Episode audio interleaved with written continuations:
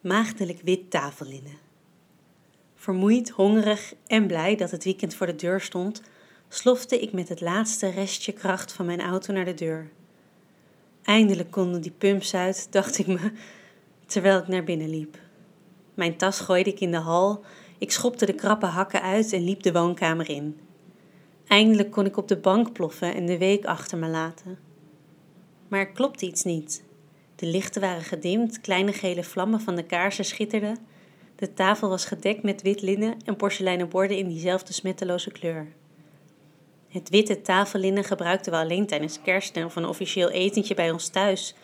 Het was bijzonder dat hij überhaupt wist waar het luxe servies lag. Op een van de borden stond een mysterieus fluweelgroen pakket. Het had een luxe uitstraling waar iedere vrouw op voorhand al blij van wordt. Wat zou het zijn? Het was duidelijk te groot om een sieraad te bevatten. Martijn stond in de open keuken, zijn donkerblauwe pak nog aan. Zijn stropdas was af en lag nutteloos op het aanrechtblad. De bovenste knopen van zijn lichtblauwe hemd waren los en hij stond daar met zijn handen nonchalant in zijn zakken. Soms vergeet ik hoe ongelooflijk sexy hij is. Welkom thuis, schoonheid. Hij keek naar me, stout en op de uitdagende manier die me jaren geleden al deed smelten. Hij kijkt niet vaak genoeg op deze manier. Alsof zijn speelse kant verdrukt wordt door de verplichtingen die horen bij de grote mensenwereld. Normaal gesproken verruilt hij bij thuiskomst zijn pak meteen voor een loszittende joggingbroek. Net als ik trouwens. Een standaard vrijdagavond op de bank. Uitgeblust door de werkweek eten we een thuisbezorgde maaltijd, kijken we Netflix en drinken we wijn. Het was vanavond overduidelijk niet zo'n avond. Was ik iets vergeten? Zijn we zoveel jaar samen? Ik heb geen melding gehad in mijn agenda, dus ik kon het me niet voorstellen. Zo normaal mogelijk onderdrukte ik mijn zenuwen en deed alsof ik deze situatie uiterst normaal vond. Ik liep naar hem toe en kuste hem. Even leek het alsof hij net zo gespannen was als ik. Alsof de verandering van het ritme ons uit balans bracht. Eenmaal in de keuken realiseerde ik me dat de tafel weliswaar gedekt was, maar er stond geen eten. Niet op het vuur of in de oven, geen geuren van gerookte zalm of gewokte groenten, niets. Mijn gedachten schoten alle kanten op. Ik dacht dat hij voor me zou gaan koken. Ga lekker zitten, liefje, heb je zin in wijn? zei hij, duidelijk geamuseerd door mijn reactie. Enigszins op mijn hoede nam ik plaats op de plek aan tafel waar ik altijd zit. De vermoeidheid waarmee ik thuis kwam was weggevaagd alsof de dag opnieuw begon. Ineens leek ik te kunnen putten uit een nieuwe bron van energie waar ik herkomst niet van wist. Wijn was zeer welkom. Graag, zei ik. Martijn schonk een frisse witte wijn in en vulde zelfs zijn glas met water. Ik viel werkelijk van de ene verbazing in de andere. Neem jij geen wijn? vroeg ik. Hij negeerde mijn vraag en lachte. Ik hield zo van zijn lach. Hij knikte in de richting van het pakje en zei: Maak maar open. Langzaam streelde ik met mijn hand langs het zachte materiaal. Het was alsof ik bang was dat de magie zou stoppen zodra ik het open zou maken, maar uiteindelijk won mijn nieuwsgierigheid. In het doosje zat een wit kussen gesierd met de roze letters van Easy Toys. Daarop lag een soort dildo, zwart en van siliconen, zo leek het. Er was een bol gedeelte aan de bovenkant dat golvend overliep naar een groter bolletje, waarna weer een smal stuk kwam dat eindigde met iets dat ik niets anders kan omschrijven als een anker. Ik slikte en mijn wangen kleurden rood van verlegenheid en opwinding.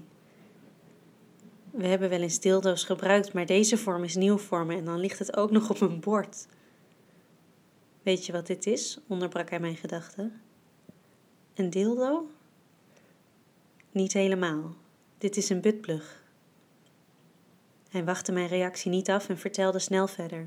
Ik nam een grote slok wijn. Dit was nieuw voor me. Het gaat als volgt. Straks neem ik je mee naar boven. Dan gaan we samen onder de douche en zeep ik je met de spons helemaal in. Langzaam, zodat ik iedere centimeter van je mooie huid raak. Het borrelde in mijn onderbuik. Mijn lichaam reageerde op zijn woorden. Hij liet het, denk ik, bewust even op me inwerken, nam een slok water en vervolgde: Daarna droog ik je af en neem ik je mee naar de slaapkamer. Ik leg je neer op het bed op je buik, naakt.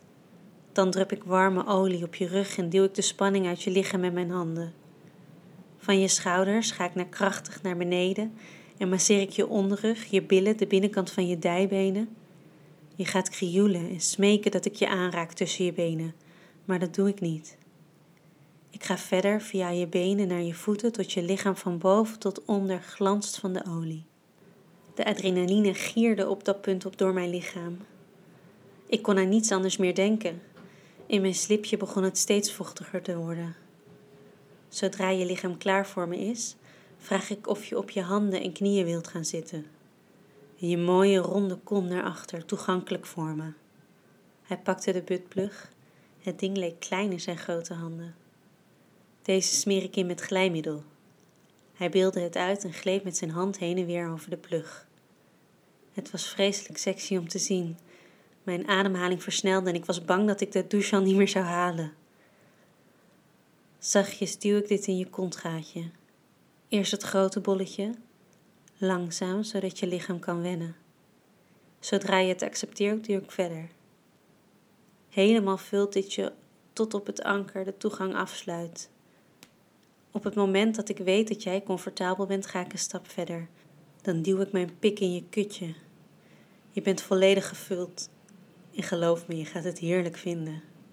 Ik pak je heupen vast en dring mezelf diep bij je naar binnen.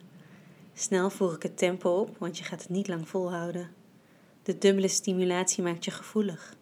Je kreunt hard. Ik mag niet stoppen en zodra ik zie dat je orgasme onvermijdelijk is, trek ik de plug eruit. Die prikkeling van spanning en ontspanning duwt je over de rand.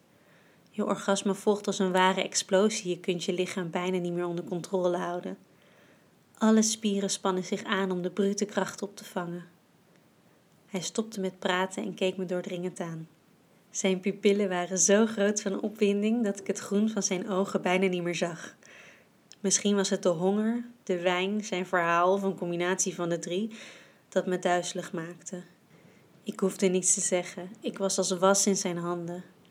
Hij begeleidde me naar boven en kwam zijn belofte na tot het laatste detail. Toen het zweet op mijn lichaam afkoelde en mijn ademhaling weer normaal was, ging de bel. Martijn schoot uit bed en liep naar beneden en kwam terug met twee dozen pizza. Hij had me op dat moment niet gelukkiger kunnen maken. Ik had enorme trek gekregen. We aten pizza, dronken wijn en keken Netflix op bed. Het tafellinnen bleef schoon.